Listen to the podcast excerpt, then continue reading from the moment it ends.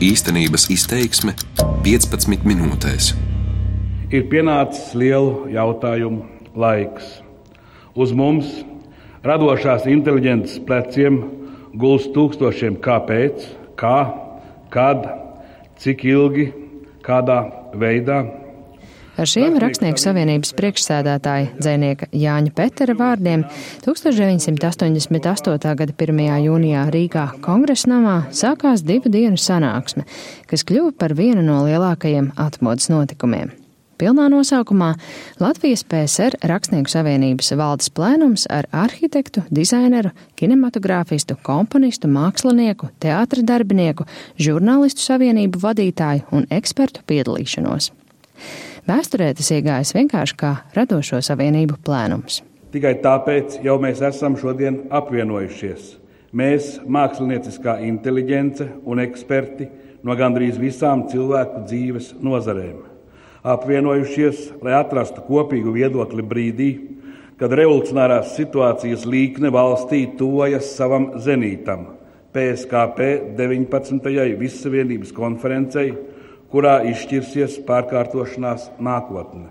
Mans vārds ir Māra Rozenberga, un par vēsturisko radošo savienību plēnumu un radošo organizāciju lomu 30 gadus vēlāk šodien raidījumā īstenības izteiksme runāsim ar politologu Ivaru Iebu. Es atceros sevi kā attiecīgi 15 gadīgu čāli, kurš bija ļoti pārsteigts, ka kaut ko tam līdzīgu var redzēt televizorā šā brīža radošo savienību padomas vadītāju Dāci Bluķi. 88. gadā tās bija divas dienas, kad nāca kopā.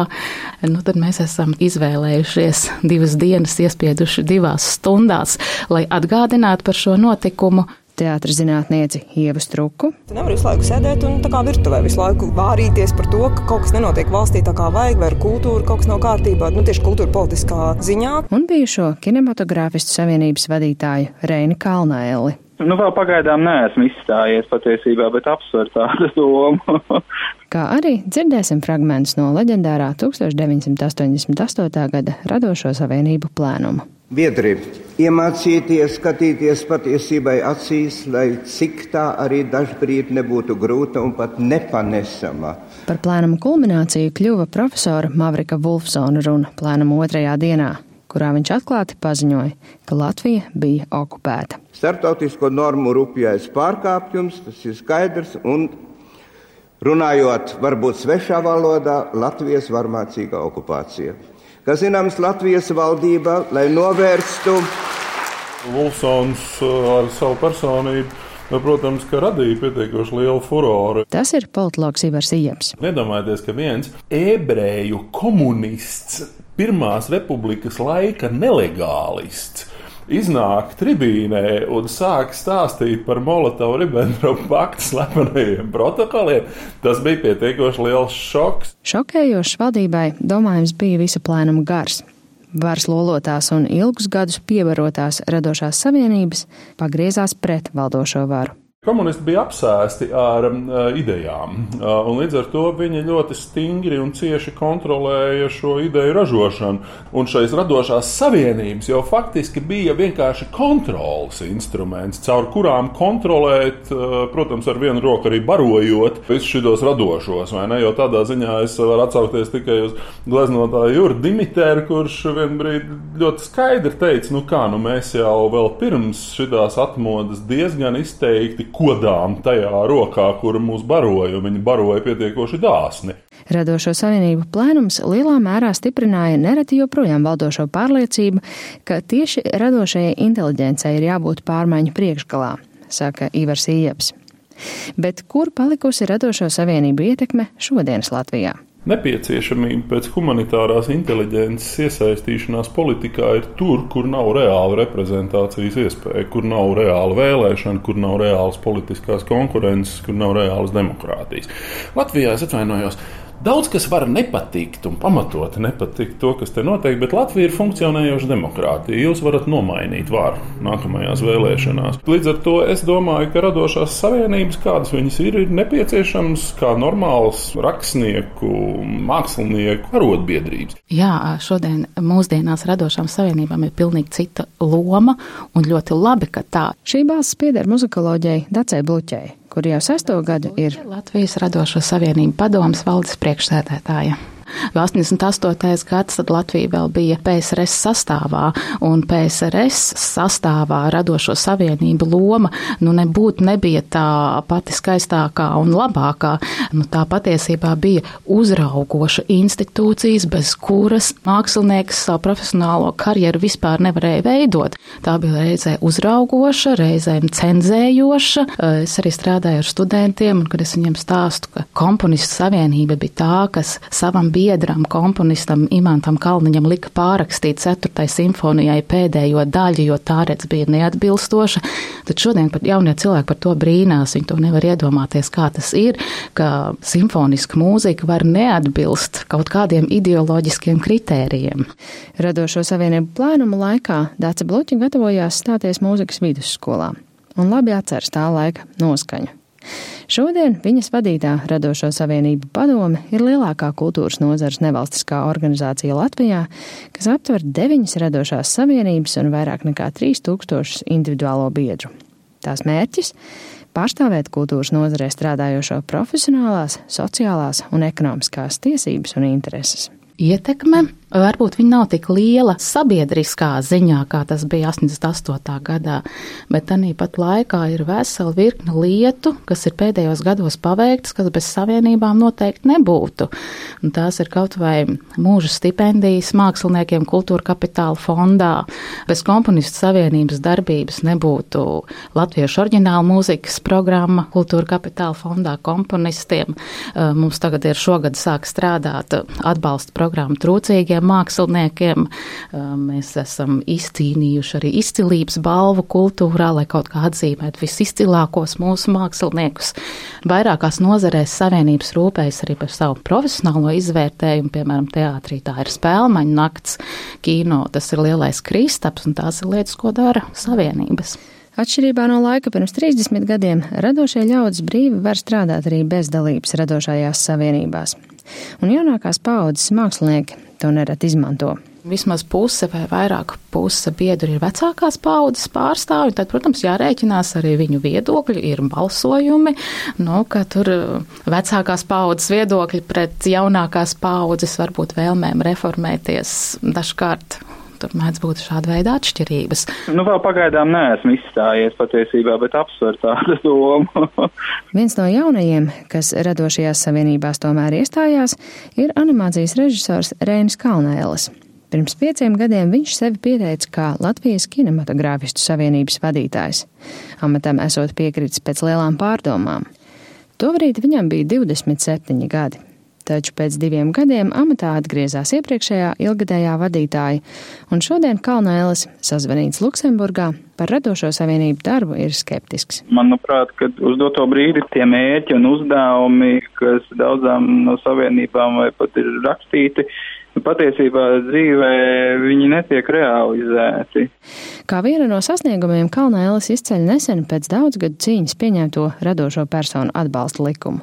Tomēr uzskata, ka radošās savienības varētu daudz aktīvāk iesaistīties sabiedriskās domas veidošanā un veicināt diskusijas par izglītības kvalitāti un konkurētspēju. Viens no pamatiem, kāpēc es arī iestājos kinematogrāfijas savienībā, jo man bija tāda cerība vai ilūzija ka tā ir vieta, kur notiekās diskusijas un satiekās cilvēki un regulāri tiek apspriesti nu, dažādi jautājumi, gan sociāli, gan ekonomiski. Bet patiesībā nu, tā nav realitāte. Ja? Es to neizjūtu, ka mēs tieši diskutētu par šiem attīstības virzieniem, kas mums ir jādara, lai mēs pēc pieciem, desmit gadiem, piemēram, būtu konkurētspējīga valsts ar citām, varbūt kādām mazākām Eiropas valstīm.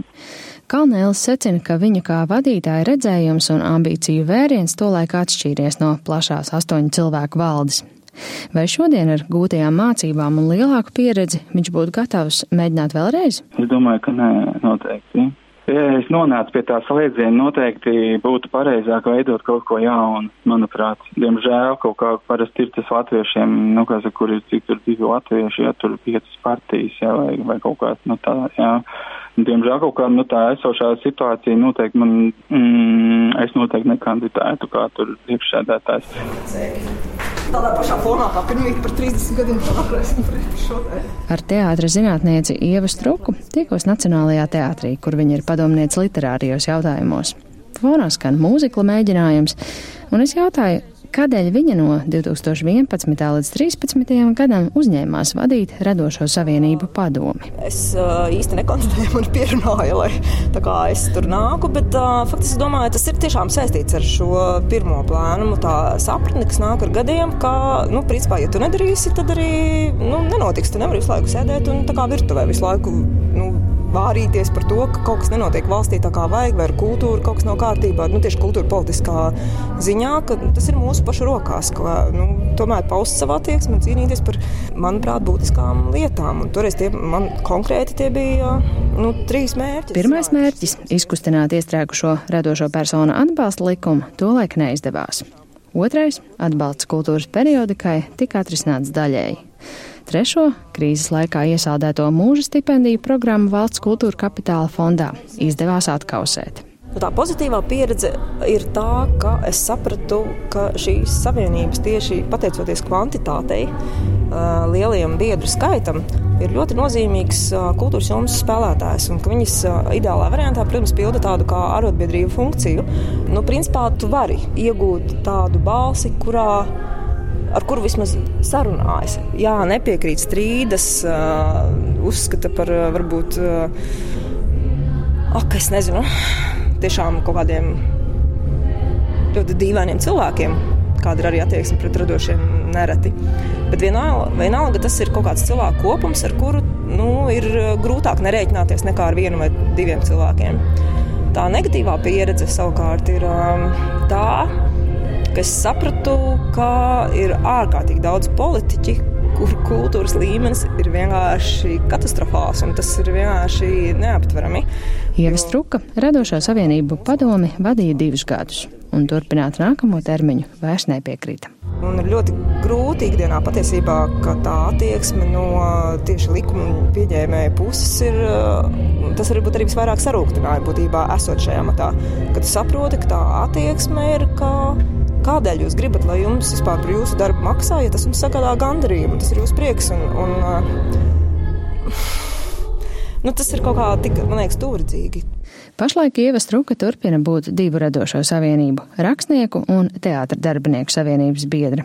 Domājot par radošo savienību lomu šodien, viņa teica, priecātos, ja tās aktīvāk izmantotu savu trumpi, paust nepolitisku, brīvu un sadzirdētu viedokli un spēju domāt ilgtermiņā. Teiksim, pēc tās savas radošā aicinājuma vai pēc profesijas izvēles, tu nevari nedomāt uz priekšu un tālu uz priekšu. Tā ir tā, teiksim, tas tavs aicinājums, bet ikdiena mazliet uh, nomāc par daudz. Radošā savienība brīvā Latvijā ir kaut kas pavisam, pavisam prozaisks. Tā radošo savienību lomas maiņa mūsdienās rezumē politologs Ivars Ieps. Tas ir tāds bez īpašas nopūtas balsī un bez īpaša patos. Tā ir vienkārši viena garlaicīga organizācija, kurai ir jāiet piedalīties visādās birokrāta sanāksmēs un jāmēģina dabūt, lai viņu intereses tiktu pārstāvēts. Tajos laikos tas bija veidojams ar zināmu universālistisku pretenziju par to, ka mēs cīnāmies faktiski pret šo idiotisko komunistisko iekārtu, kura šeit pietiekoši vardarbīgi un represīvi valdīja jau kopš 40 gada. Piektdien, 1. jūnijā, Radošo savienību padome rīkos plānuma 30 gadēju veltītu sanāksmi Lielajā ģildē, aicinot diskutēt, kāda tad ir inteliģences loma mūsdienās un kādi ir tā svarīgie jautājumi. Divu dienu vietā gan pasākums noritēs vien divas stundas. Paneļdiskusijās uzstājoties režisoriem, valodniekiem, literatūras zinātniekiem un ekonomistiem bet paralēli pie Krievijas vēstniecības Rīgā notiks atbalsta mītiņš Ukraiņu režisoram Oļegam Sencovam, kurš sācis bada streiku pēc Krievijas tiesas piespriestā 20 gadu cietumsoda, un kura stāsts sāpīgi atgādina, kāpēc varam priecāties, ka Latvijā radošās organizācijas šodien ir viena prozaisks arotbiedrības. Raidījuma īstenības izteiksme šodien veidoja Māra Rozenberga, par skaņu rūpējās Renārs Šteimenis. Darbības vārds īstenības izteiksmē izsaka darbību kā realitāti - tagadnē, pagātnē vai nākotnē, vai arī to noliedz.